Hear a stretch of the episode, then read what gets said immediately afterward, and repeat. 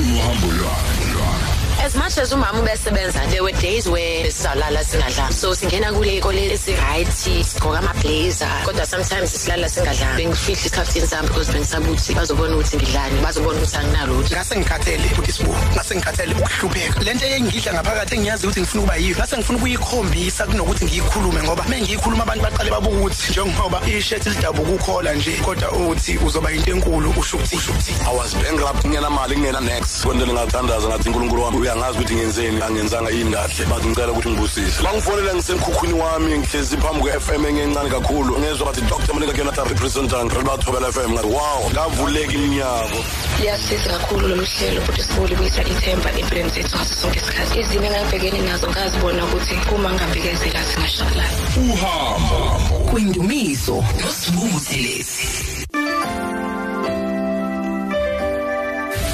umuntu nomuntu nohambo lwakhe. Umuntu nomuntu unohambo lwakhe. Hlala unethezeke ulalele nanti uhambo.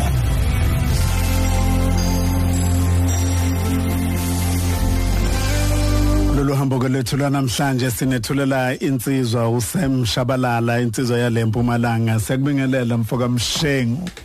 Awu sekubingelela futhi Buthelezi unjani mfowethu? Khona ngane yakwethu kwakuhle mfowethu ukuthi sibe nawe namhlanje. Sikale mfethu sibongele kakhulu ukuthi kukona konke ukuba matasa tasa kwakho kodwa usemukele isimemo sethu sokuthi sizohlala nawe eh ke sivakashela uhambo lwakho sithatha amehlo siwaphonse emuva. Hey but no uqinisile ngempela vele simathaza kodwa ke nami ngiphinde ngibonge ukuthi eh, ningimeme nizofuna ukulalela nami ulambo lwami nami ngiyafisa ukuthi ngabatshela abantu la ngaphandle ukuthi eh ngindlule phi or ngihambe phi engikhule kanjani eh ukuze ngibe usemo engiusemo namhlanje. Mm ekujabulisile kakhulu ukuthi kanti lolu hambo eh uyalithakasela futhi ke uyalalela kube mnandi nokuzwa leyo ndaba. Hey hey hey hey but sibongihlezi ngi- ngi- ngilalela i mean uhambo. Hey liyangibusisa mfethu. Eh liyangibusisa kakhulu. Eh lisivusela ithemba ngoba eh kwezinye izinto eh sibe sibona umuntu the way akhona namhlanje kodwa singazi ukuthi ngaphakathi unenkinga ezifana nga- nga- ngaziphi. So ukuthi usidlulephi yeah so nami uma ngilalela especially show yakho but eh, iyangikhuthaza. Mm eh nathi sihamba siwa la endleleni kodwa ngeke sikubhale ku social media. True. but eh, nathi sina inkinga ngaphandle enkulu esibhekene nazo. Mm. but ke ay kuyiko konke nje sibonga ukuthi uNkulunkulu banathi sibonga mfowethu kakhulu. Usem u- u- uphuza muphi umfulu usem lapha khula khona njengomfana? Ngiyakubona nje ngizama ukuzakhela isithombe somfana. Uzalaphi but eh usemu eh ngizalwa eVenda ilanga uzalelwa khona. Oh okay. Eh ngavelela endaweni yasemakhaya bayibiza ngokuthi emakwarera ngale. Okay makwarera yeah ethoyando ngale phansi kuvenda okay. So hey buti eh ithi ithi ithi ke ngicale ngisho usuku la ngazalwa khona. Mm mfethu uyazi ukuthi eh umamami eh makangitshela wang wang wangithola like ngazalelwa behind the door. Mm yeah emva komnyango wayi1 vele umamami ngoba ubaba wami wayisotsha. So nga nga- ngavela behind the door. Eh umama mayi1 eyedwa endlini? Eyedwa endlini bot Nkosiyami wena uNkulunkulu kuphela. Hey. Yeah so kasho ukuthi even the first day nje ngiba khona emhlabeni hey uNkulunkulu wabe nami from the first day. Ngiyacabanga. Yeah isibindi salomama ubani mabani lo mama? Bani igama lakhe? Eh umolini eh wakamzenda. Usakhona mama umama usekhona. Usekhona umama. Ubaba yena? Ah ubaba washona. Eh ubaba wami washona mina eh ngina 2 days ngivela ubaba wami wayisoja washonela le phansi eTRC Congo hawu baki yeah ubaba mangimazi angifuni nje ucamba amanga ubaba cha angimazi. Ubona nje ithombeni ngibona nje ithombe endazo yazazi ithombe zakudala nje azicacile kahle. Awukwazi ukuzakhela isithombe uthi kahle ubaba wayebukeka kanjani? Hey hey hey. Ya nibangaka ekhaya? Ekhaya si sibabili. Mm yeah sibabili ekhaya kumama. Uwesingakwena? Mina ngiyimokucala but wena uqala yeah Um, kodwa kababa ubaba ubaba wayeno wayenomunye unkosikazi wakhe omdala. Oh. Eh so kubaba hey sibaningi impela i think sila kubo 13 Hayi, yeah ubaba? kubaba. Okay. Yeah. Usisi ubhuti lo nizalwa naye? Yeah no usisi. Yeah usisi lo engisalwa naye. Okay. Yeah ukhulela lapha em awu- awuphinde lesi sigodo lendawo eMakwarela. yasemakhaya, makwarera Yeah. yeah u- ufunda khona futhi nihlala khona la wafunda la primary school yakho high school yakho? Hey Potisibu eh ngifunde nje only uprimary. Mm. eh high school angizange ngithola ithuba lokuya khona ngesimo sasekhaya. Oh ugcine primary school? Ngigcine nje kwa grade 7 futhi. Aw yeah angiyanga eh kwa high school eh kwaba nesimo esibucayi ekhaya. Sangenza ukuthi eh ngishiye konke ngikhohle nje ngesikolo. Eh ngasho ngithi ngisho bothisher bambe bangifundisa basala bangifuna lapha esikolweni. Nga bathe ngang- ngangihlakaniphe kakhulu esikolweni. But but isibu eh kwaba nosuku la khona ngafika ekhaya. Ngathola umama wami ahlele ngaphandle ngangilambe kakhulu ngoba ngangile esikolweni ngingadlanga so mangibuya nami ngaba nganto yokuthi no kumele ngithole ukudla ekhaya. Eh umama umovele wangibuka wathi mntanami akukho ukudla ayikho into singayidla so hey leso simo leso eh sangihlukumeza kakhulu ngabona ukuthi naye umama akasebenzi eh akayafundanga. So uma ngathi eh ngiyamblema kufana nokudlala into ekumele ngiyenze kumele ngisukume eh ngihambe. But isibungu ngiciniso kwayena umama ngizange ngimtshela ukuthi ngiyaphi. Kusiyami ngavele ngangena ngakhumula leyo uniform yami yayidabukile ngavele ngaphuma.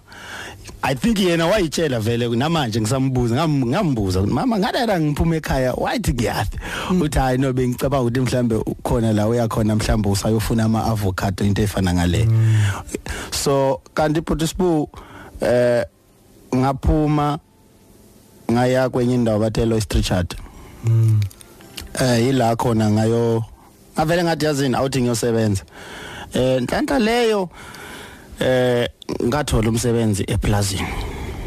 Eh le plaza leli lalidila ngokwenza ama orange ngasebenza khona eh ngibutha ama orange yabona lento ukuthi kuba nama tractor so abantu bakha ama orange esihlahleni Yeah. kanjalo kanjalo. Yeah.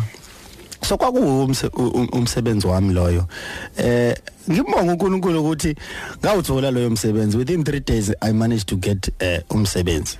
Uthini? Mangabe ufika kumnini plaza la umfana omncane kangako Hey, ufunda bhuti. u-7 bangijikisa.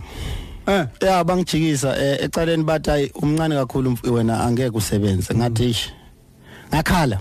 Into engiyazi kahle ukuthi ngakhala ngavele ngahlala phansi ngakhala ngabathi ukuthi kumanje angidlanga. So mina nje into engicela ngicela ningiphe umsebenzi ngizosebenza. Bathi okay eh sizokunikeza umsebenzi just for for namhlanje. Kusasa ungabuyi umncane kakhulu. Eh ngasebenza. Usuku lesibili ngabuya futhi. Ngakhala bangivumela ngasebenza. Olesithathu hayi bayibona ukuthi hayi lo mfana uyimisele ngokusebenza. Bangiyekela ngasebenza impela lapha eplazini. Eh umholo wami was 150 rand a month. Yo. Yeah phela i was just an ordinary general worker. Ayikho into engathi bengiyazi. And mina ngayijabulela leyo nto ngoba at least lapha ya eplazini besinikeza ukudla eh silala enkomponi. So ah why not? So unayo indawo yoku- nginayo indawo yokufihla ikhanda. Ngokudla ngiyakuthola. Inkinga nje ukuthi manje ekhaya manje ufuna ukuthi lo 150 fanele kuhambise ekhaya. Ngempela. Uf- ngesikhathi ufika ekhaya usuku lokuqala uma ubuyela ekhaya uthini umama? Hey. ucabanga nje ukuthi ngalezo ikhathi mhlambe nezingcingo zazingakandi kangaka futhi ke wena wawungenalo ngalezo kwang- kwangaleso sikhathi. Hey but uh, you won't believe. Ngabuyela ekhaya only after uh, 5 years. Yeah like eh imali yayingahlangani ukuthi ngabuyela ekhaya. Uyazi nami nganginalento yokuthi eh kumele ngisebenze ng- ng- ngibe nge something ephathekayo ukuthi mangifika ekhaya eh umama ngijabulele. Manje ngapha ngi balekile uyabona ngendlela engiphume ngayo ekhaya ayicacile kahle. Umama ngeke ayijabulele ukuthi ngiyeke isikolo kanje. Angimvalelisanga. Angikwazi ukubuyela ekhaya ngi- ngi- ngi- ngile ngisizandla. So hey ngasebenza for 5 years umamami nosisi wami ngingabazi ukuthi bayaphila bashonile kanjani. Naba bakwazi ukuphi? Naba bangazi ukuthi ngikuphi ngasho ngithi eh lapha ya eplazini ngasebenza for 3 years. After 3 years nga nga- kwaba nomngane wami nje wathi endoda lana siholi imali ethile asambe siye ephulukwana ngahasuka ke eLwestchurch ngaye ephulukwana ephulukwana ila ngafika khona ngathola umsebenzi cishe bosibhadala ngcono mara besebenza econtractini beyakha lapha yakho bekwakho imoli so besiphuca idaka but kodwa lapha cishe imali besithola beyingcono. So ngasebenza ke eh then kwathi makushaya unyaka wesibili hayi ngathi yazini ngibuyele ekhaya manje ayi ngibakhumbulile ekhaya. Ngabuyela ekhaya. Mangibuyela ekhaya eh bengumuntu nje bengana be- be- bengana next but cishe bengina something nje ephathekayo. Ngikhumbula kahle ngathekela ubaba vicross eliningi laze lagcwala ivili. Nkosi yami. ngathi yazi ubaba namhlanje ufuna adla zadinwe namhlanje. Ngashiye ekhaya kunendlala. Manje uh, u- uyawuthola umkhondo ukuthi kodwa ekhaya basahleli khona lapha babehleli khona noma uthi nje sengiyonzwa mangifika hayi ekhaya? Futhi ngathi awu yazini ngiyobona mangifika khona. Ngiyobona ngifika Nkosi khona. yami, hey. ngihlahla hayi ngicanga abathola bakhona. Hey umama wangijabulela kakhulu wakhala. Wakha eh wakhala wakhala. Kwamthathela enhle 2 days ukuthi akhona ukucoca nami kahle ngoba eh ngiyakhumbula waze wathi "Eh, mara ungathi awusazi uyena wena. Ah, ngiyacabanga ukuthi emva kweminyaka ewu5 usushintshile. Yeah bese kushintshile ke. Hey bese ngikhule kakhulu. Kodwa ke no futhi eh eh umama wajabula kakhulu eh khanga ngoba nami eh ngaspenda mhlambe i think ngaspenda 3 days emva kwalokho ngabuyela emsebenzini.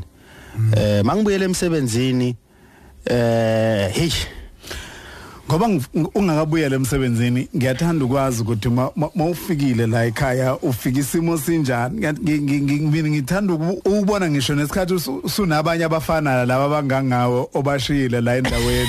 Uyahamba uyofuna abangani bakho enanifunda nabo bashiye befunda esikoleni ukuthi hey bafethu esigele kuhamba kanjani? Nesafunda senikuphi? Lo 3 days nje ngiyathanda ukwazi ngawo. Hey Buddhismo yazi ngathi wawukhona. Hey ngempela nami eish akisho nami se- se- se- se- sekunamatheka amasha ngamajini amasha. Eh, so- Amasha. eh, inkunzi manje and uyibona ungcono kunabo manje Hey, hey ngiyakutshela ngempela vele I think ekhaya ngafika I think ngahlala only for 3 hours. The rest of the time engihamba vele ngayofuna abangani bami Yeah. ngakhula nabo. Ndimadoda. Disese right kodwa.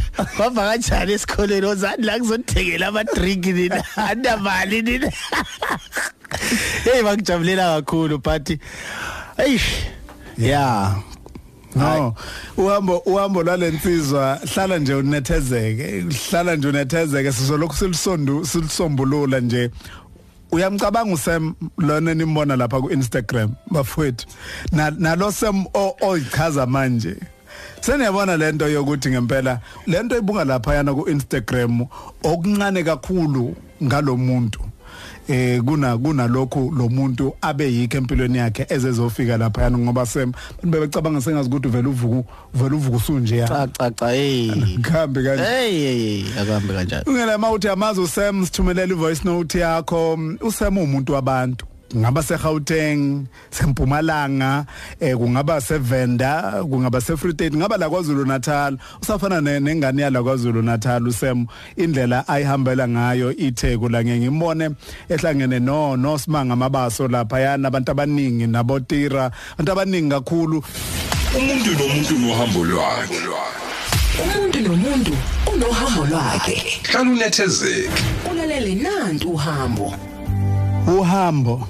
Sigaba sohlelo lethu lendumiso eh abalaleli bethu abavele bathatha yonke into enye bayibeke eceleni bahlale bathulisa umsindo ekhaya balalele baninge nabo ngolwabo uhambo ngobelalela uhambo lwehambeli zethu esuke sinazo la. Ngakhohlwa ke ukuthi kuzona zonke ihambeli zethu esike saba nazo la ungakwazi ukuthi ule uyeke ku www.ukhozifm.co.za ubusuyake lapha na kwi podcast uzofika ukwazi ukuthi uma ubheka uhambo ubuso uya kunoma ke yisiphi isihambeli sethu esiyesaba naso. Kuye kunikeza isiqiniseko sokuthi lokhu sayaqala uhambo nathi sisayinikeza isikhathi siyolalela kusukela kwisihambeli sokuqala. Ukuthi nje ukwazi ukubuyisa amandla ukuthi ukhumbule ukuthi ohambweni lakho khona abantu abake badlula einkambweni zabo nabo noma zehlukahlukene inkambo ngokuhlukahlukana kwabantu. Kodwa injongo ukuthi kukunikeze wena umkhombandlela futhi ke kunikeze nenkuthazo ukuthi uphokophele phambili nokukwazi ukuqinisela ngesikhathi ubhekene nesimo obhekene naso ohambweni lakho. Sino semshabalala sikhuluma naye ke namhlanje mfethu. Kwadinga ubuyele emsebenzini ke manje? Ubuyele emsebenzini usuqedile ekhaya. Ngixoxele ngenjabulo yokufika nje ekhaya ufica umama uyaphila umama nosisi usemdala. Ngiyacabanga ufike sengaphezulu manje kwalokho wakushiye ikona. Injabulo yakho nje ukuthi u umama eh, ngamfice esaphila. Hey mfethu yo injabulo yami iyinkulu kakhulu. Ya eh ngaba very very happy. Nabo eh bajabula kakhulu ukuthi bangibona ukuthi ngisaphila ngoba nabo baze basho ukuthi athi nabe sesitshela ukuthi vele wena ushonile. Hayi ngisaphila. Buyela emsebenzini manje impilo ke iyoqhubeka ke manje eh mfowethu yabona ngasho ngithi yabona kube bekuthiwa namhlanje kubhala ibhuku ayila yila yila khona ngakuzofaka uNB ngoba impilo yila yaqala khona ukushintsha. Ubuzofaka uNB intethi intethi awuqaphelisiseke la. Hey hey hey no ngasho ngithi uSam ila waqala khona. Mfowethu ngathi ngibuyele emsebenzini ephulukwane la bengisebenza khona econtractini okubhoca idaka. Ngifika bathi wena uhambe for 3 days ungekho emsebenzini. You are fired. Yeah umsebenzi wakho asanawo la sicashe umunye thina. Uca uthi udaka I mean ukwakha kungalinda wena? Hawu madada njani manje? Ngiyenzeni ngonephi ke manje? Hayi well ngimukele vele ngoba vele umlungu wangitshela ukuthi umsebenzi wami akasanawo. Futhi sibunhlanhla leyo eh ngithi yazini? Enhle kwafika kumina ukuthi yazini? I think umsebenzi ekumele ngiwufune manje kumele kube umsebenzi ozongifundisa something because mina bengiloku ngibona ama truck angena azoshiya azodeliver itina nama concrete so ngina kuba nalento ukuthi yazini one day ngathi ngashayela i-truck man. So mangiphuma lapha ya ngithi yazini ngifuna inkampani edila ngama truck ukuze ngikwazi ukufunda lo msebenzi wama truck hayi amkhulu uJehova ngiwuthole umsebenzi ngicashwe kaWodendal vele la kudilwa khona ngama truck hayi mangifika lapha ya bathi yini into yazi ngithi hayi mina ayike into engiyaziyo.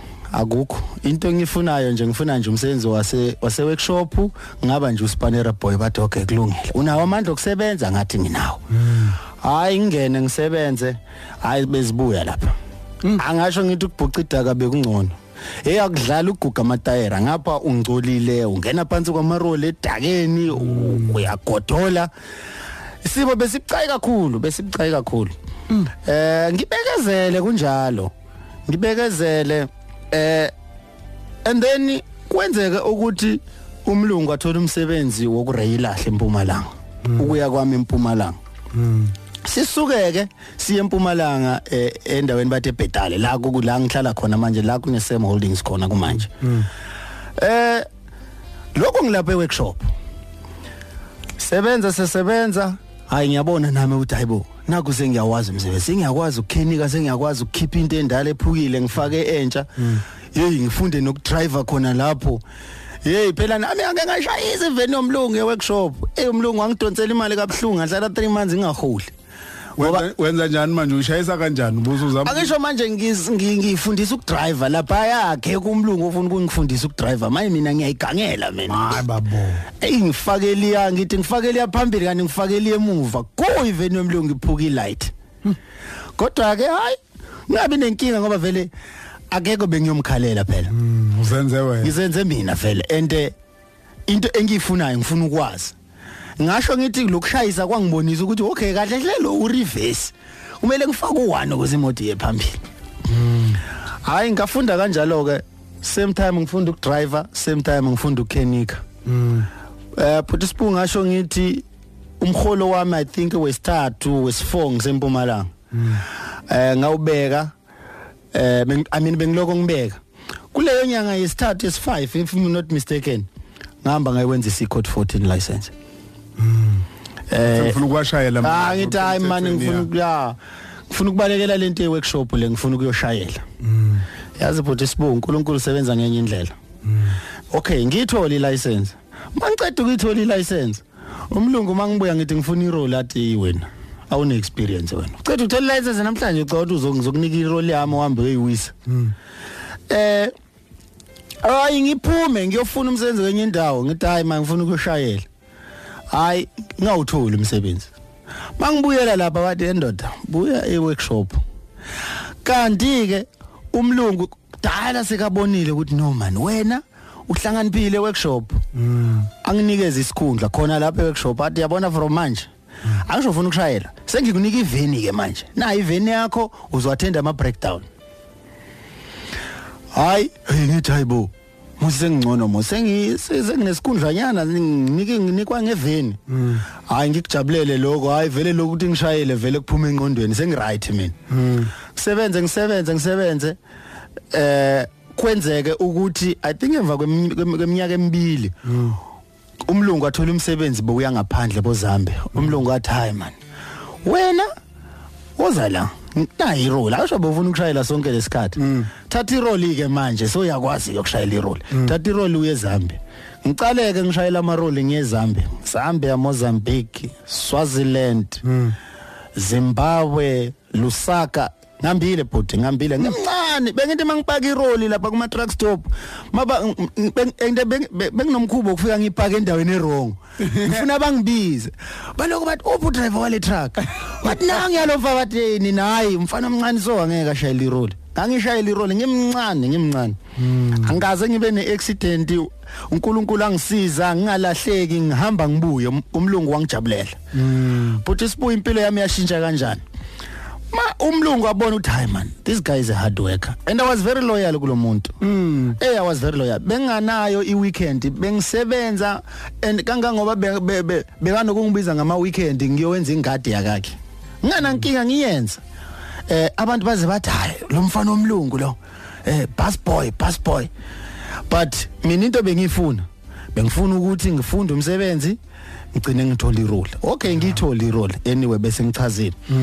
Eh kwenzeke ukuthi inkampani ikhule umlungu abona ukuthi hayi khona abasebenzi sebaningi. Eh labasebenzi sebafuna um abo driver sebafuna umuntu ozobaphatha.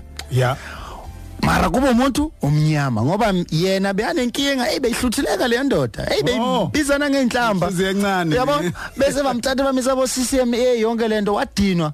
To extend ukuthi athi hayi man awuthi ngibiza usem usem abuya azodila ngabantu bakubo lapha hey uNkulunkulu wangisiza.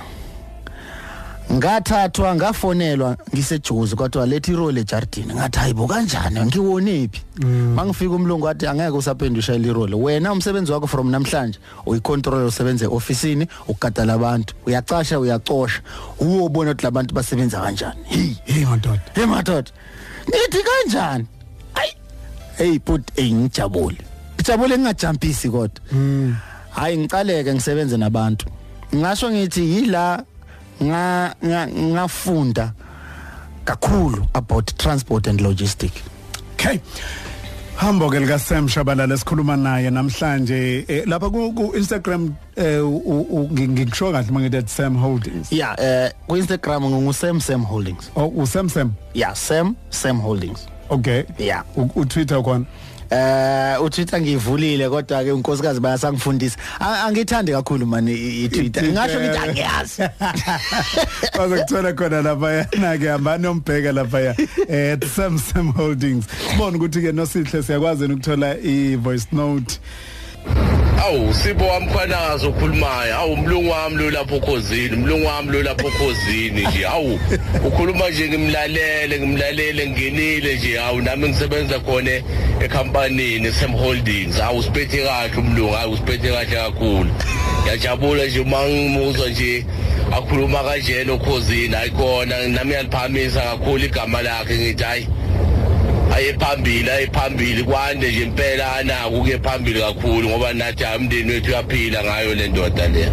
Hawu man siyayibongela hawu man yazi yamnandi lamazwi kamkhwanazi. Hey udriver wami ngempela. Hayi. Yeah udriver Awu, wami eh, ngempela kwaze kwamnandi mfowethu nokuzwa nje amazwi eh, asho amnandi kangaka eh, kumuntu omnikeza ithuba wamqasha emsebenzini.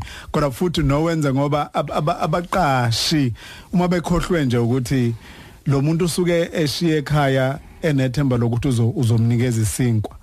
Kodwa futhi njengoba esefikile ubungeke ukwazi ukwenza lokho akwenzayo uwedwa Exactly. wena. So bumdinga yena. So lobo budlelwano omnjalo mfowethu uyakwazi ukubuzwa emoya kumoya ofana nalona kamkhwanazi. Siyabuya ke siqhubeka nohambo sikhuluma no Sam Shabalala.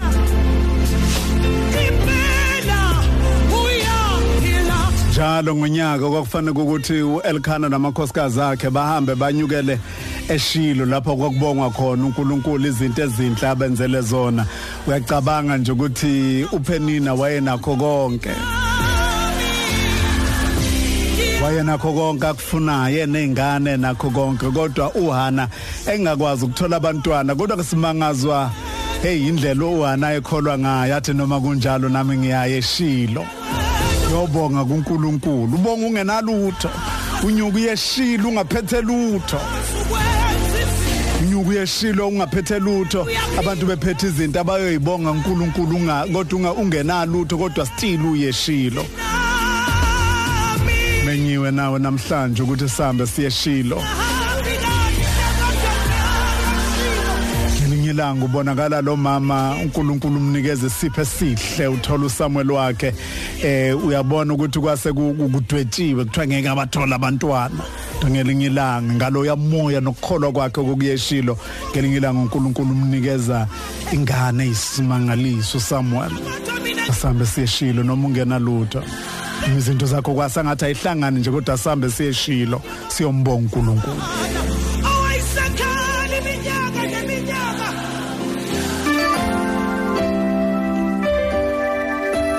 Impilo njalo nje ingane zakwethu? Njalo nje lempilo kuya kuNkulunkulu asiyinkulunkulu ngoba sesiphethe izinto siya kuNkulunkulu izinto singayiphethe kwasangathi ikhona.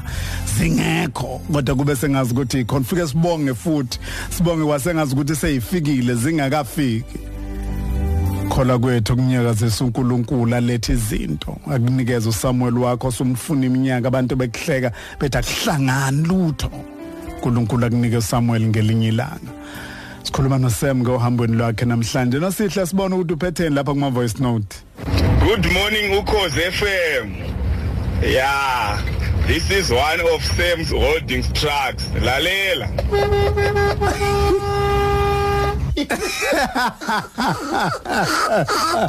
hey umadoda ayabona uvana ke lo.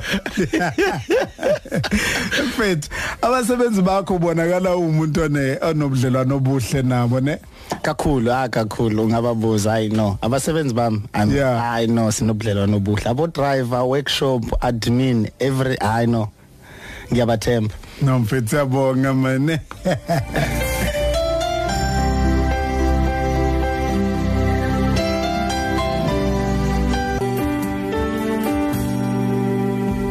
Okay ke ngibona ukuthi bathini lapha ku Twitter ngesihambeli sethu esinaso ke namhlanje uSphazet uthi Brisbu can you ask uSam ukuthi ngoba ebukeke indoda eseyikhulile ngokwebusiness kukhona yini akwenzela abantu abasazama ukungena ku logistics eh, business ukubasiza nokubafundisa ama challenges eh, akulendima siyambongela ngempumelelo yakhe.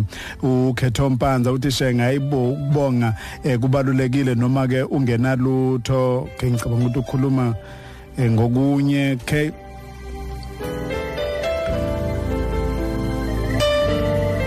Okay umpumza yena uthi ke oh what an interesting journey to success ukhuluma ngohambo eh luka luka Sam Shabalala njengoba ke sinaye. Usakhi vilakazi uthi ya uNkulunkulu uyasebenza emfihlakalweni. Just imagine ugrade 7 namhlanje umphathi wenkampani eh usamke ngubane uthi ke listening to Sam Holdings eh kukhozi uthi eh uzwakala egenuine futhi ke ethobekile uthi ke ngikhuthazekile kakhulu ngilalele Okay uthi ke mangabe kukuthi un, eh, unazi inhlelo zokuthi eh, umentorishe ukhulisa besifazane eh, kwezama truck uthi uzungamkhohle samke ngubani? Okay. Okay kuzakele samke thulele jili ebhulwa. Uthi ke hey shenge kuyathokozisa kakhulu ukubona insizwe esencane kanje seyinama truck amakhulu kangaka eh ama side tipper uthi ke zinhle nezimoto zakhe. Uthi nathi siza kancane ku SM bhuti uthi ku possible uthi ke thina ke sikwa SAB kemfowethu siyabonga ngani yakwethu. Uthi ke uIsaac Mchunu uthi ngithule ngilalela uhambo lwalensizwe euswem eusem izwakala eh, ibuya kude ngempela nohambo lwayo ngiyaqhuquzeleka eh nami okay umoya icebe ekhulu uthi but usibuye ilunzima uhambo luka Butsem eh, luka Butsem Shabalala. Uthi ke kimi kubonakaliswa icebo lika uNkulunkulu ukuthi uJehova lapho akudlulisa khona unezathu zalokho. If ngimbona ku Instagram ngibona ngibonela isikhulu nje esazalwa eh, siyisicebi. ubhekzin mabele uthi hey sibu uhambo lwalomfolo ubhlungu futhi ke luyakhuthaza ukuthi ekhaya uya uya uyazi ushiye kanjani eh zama lapho zama khona kodwa nje ungakhohlwa ikhaya uma izinto sezikulungela uthi cha impilo inzima. Abantu ke bangabona behamba nje kanti hey basuka kude. Kunjalo ingane zakwethu.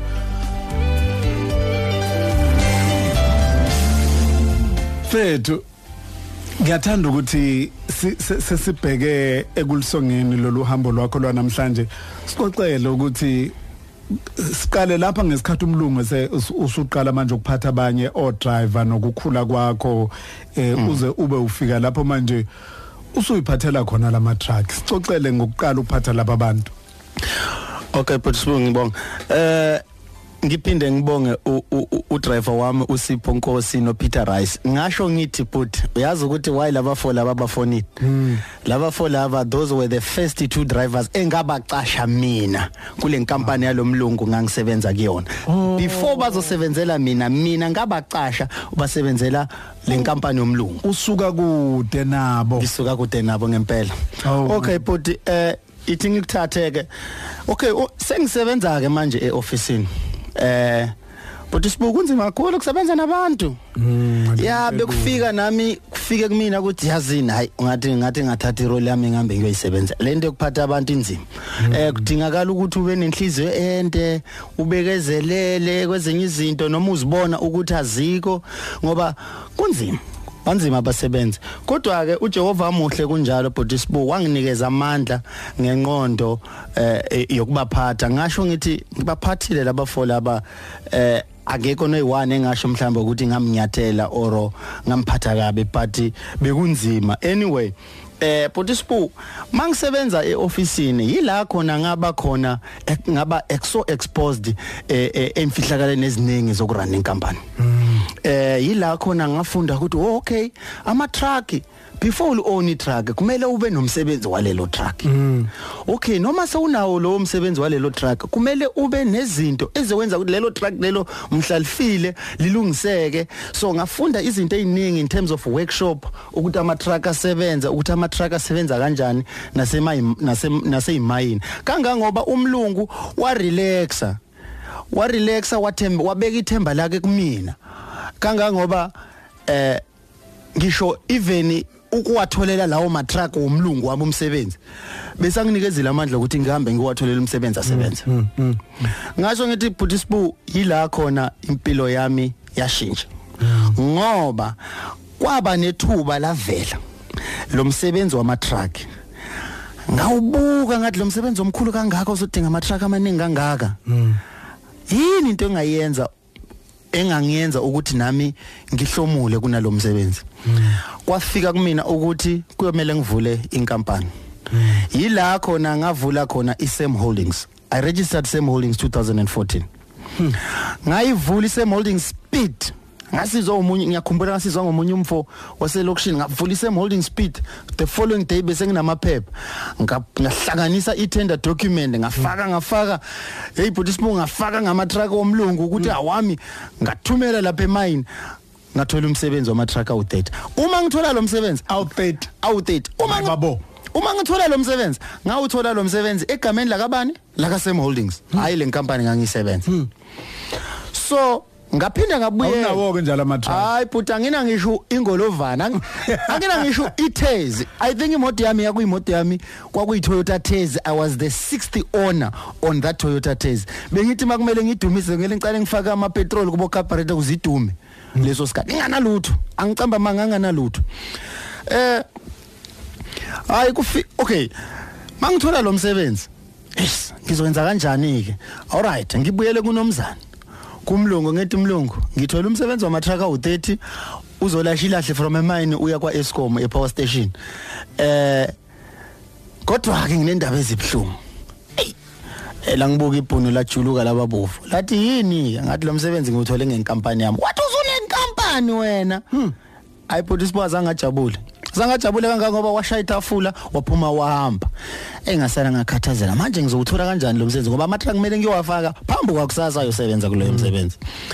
uNkulunkulu amuhlo ngasho ngithi umlungu masayi1 ngalokuthi vele bekade anamatraka amile anganamsebenzi ende ufuna ayosebenza isimo samphoqa ukuthi athathe lo msebenzi wami use subcontractor kuwe manje. Hey but ngimtshele ngidlalela ke mlungu mina ngiyindawo.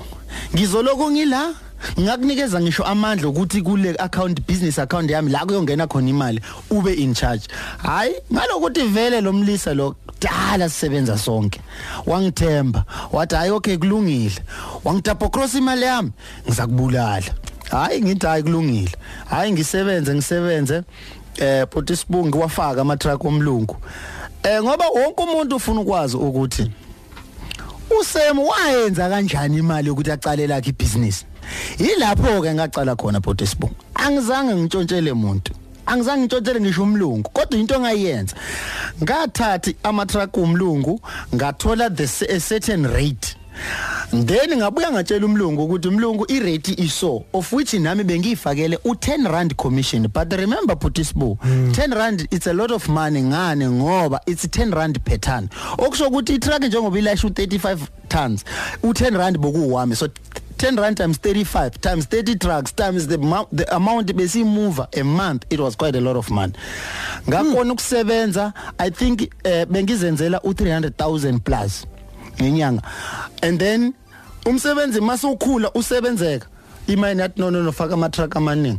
Haw the following day be, the following month bese ngiyenza bo 500000 commission. Still ngisasebenza kulomlisa yo. Ngisaphatha labo drive ngisayiphatha inkampani. Ngisasebenza nje vele e- as normal. Kodwa imali yenzani? Iyangena ku account yami. Kodwa into ongayenza but isibuya ngisisa imali mayingena. Yeyo yazi ukuthi imali yaqala ungena ku business account yami angiyifihli ngoba abantu bafuna ukwazi ukuthi kanjani. Kwangena u2.8 million. Kulo 2.8 million imali yami kwaku 300000 kodwa ngathatha le mali ngayibhadala umlungu umlungu wajabula. Umlungu wat- wa- wathembela kumina wathi akushothi imali yami isafe. Wagcina le yakho wakhipha umlungu Ngagcina eyami. ngeyimfeni ngathatha eyami angizange ngithathe le mali yami ngayisebenzisa kwezi- kwezinye izinto. Ngisho imoto le moto abathi usemo namhla unemoto eyiningi. Angizange ngicabanga ngathi yazini ithuba ekumele ngilisebenzise. Khulisa ibhizinisi. ngaseva ngaseva ngilokho ngibeke eceleni ngoko ngibeke eceleni.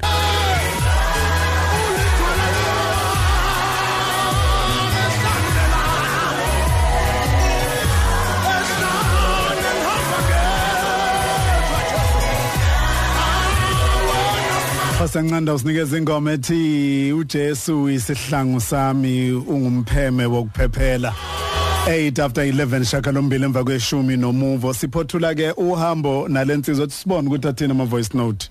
Eh ake ngibingelele nami eh ngu-Opa. Bengisebenza kuyo le ndoda hayi yena kuyindoda eright kakhulu. Bewuthi nje noma ufuna imali ekuthi bha ngo-5000 engayidonsi. Ah. Bekuyindoda yamadoda. Ngenxa yokuthanda izinto-ke nami ngagcina hayi sengiyishile hayi yena uyindoda yamadoda impela. Ngiyam- ngiyamfakazela lapho. Opa mtshali lo Ngiyamkhumbula Ope. ngimkhumbula kakhulu wawu driver wami ya. Tolenyeke. Ah siyathokoza budisibu siyathokoza budisibu hayi uErasmus ukhulumayo uErasmus ukhulumayo. Hayi mina nami ngisebenza kunale ndoda. Hayi i-out sharp hayi indoda i-right kakhulu. Iyasiphatha kahle le ndoda. Ayasiphatha kahle le ndoda Yamnandi lento ka Erasmus usho kamnandi. Hawu hey. Uthi nje bha ngo 5000 rand uqeda ungayidonsi. Ayinhle into yenzayo mfethu.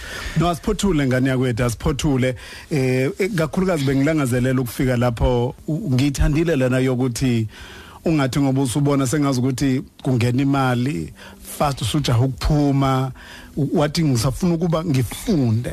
Ngiseve la futhi ngimnikeze ithuba eh umnumzane lona okuyena okunikezele lithuba lingikhulise ukufunda nanokuthi imali uyibeke ngoba kuyacaca ukuthi ukukhula bekusekutenini le mali yokuqala uyibeke imali yesibili uyibeke ubuhola lapho hola khona kumlungu. Exactly. Kwa- kwafika kanjani ukuthi uphume ke manje uyoyimela ke manje completely?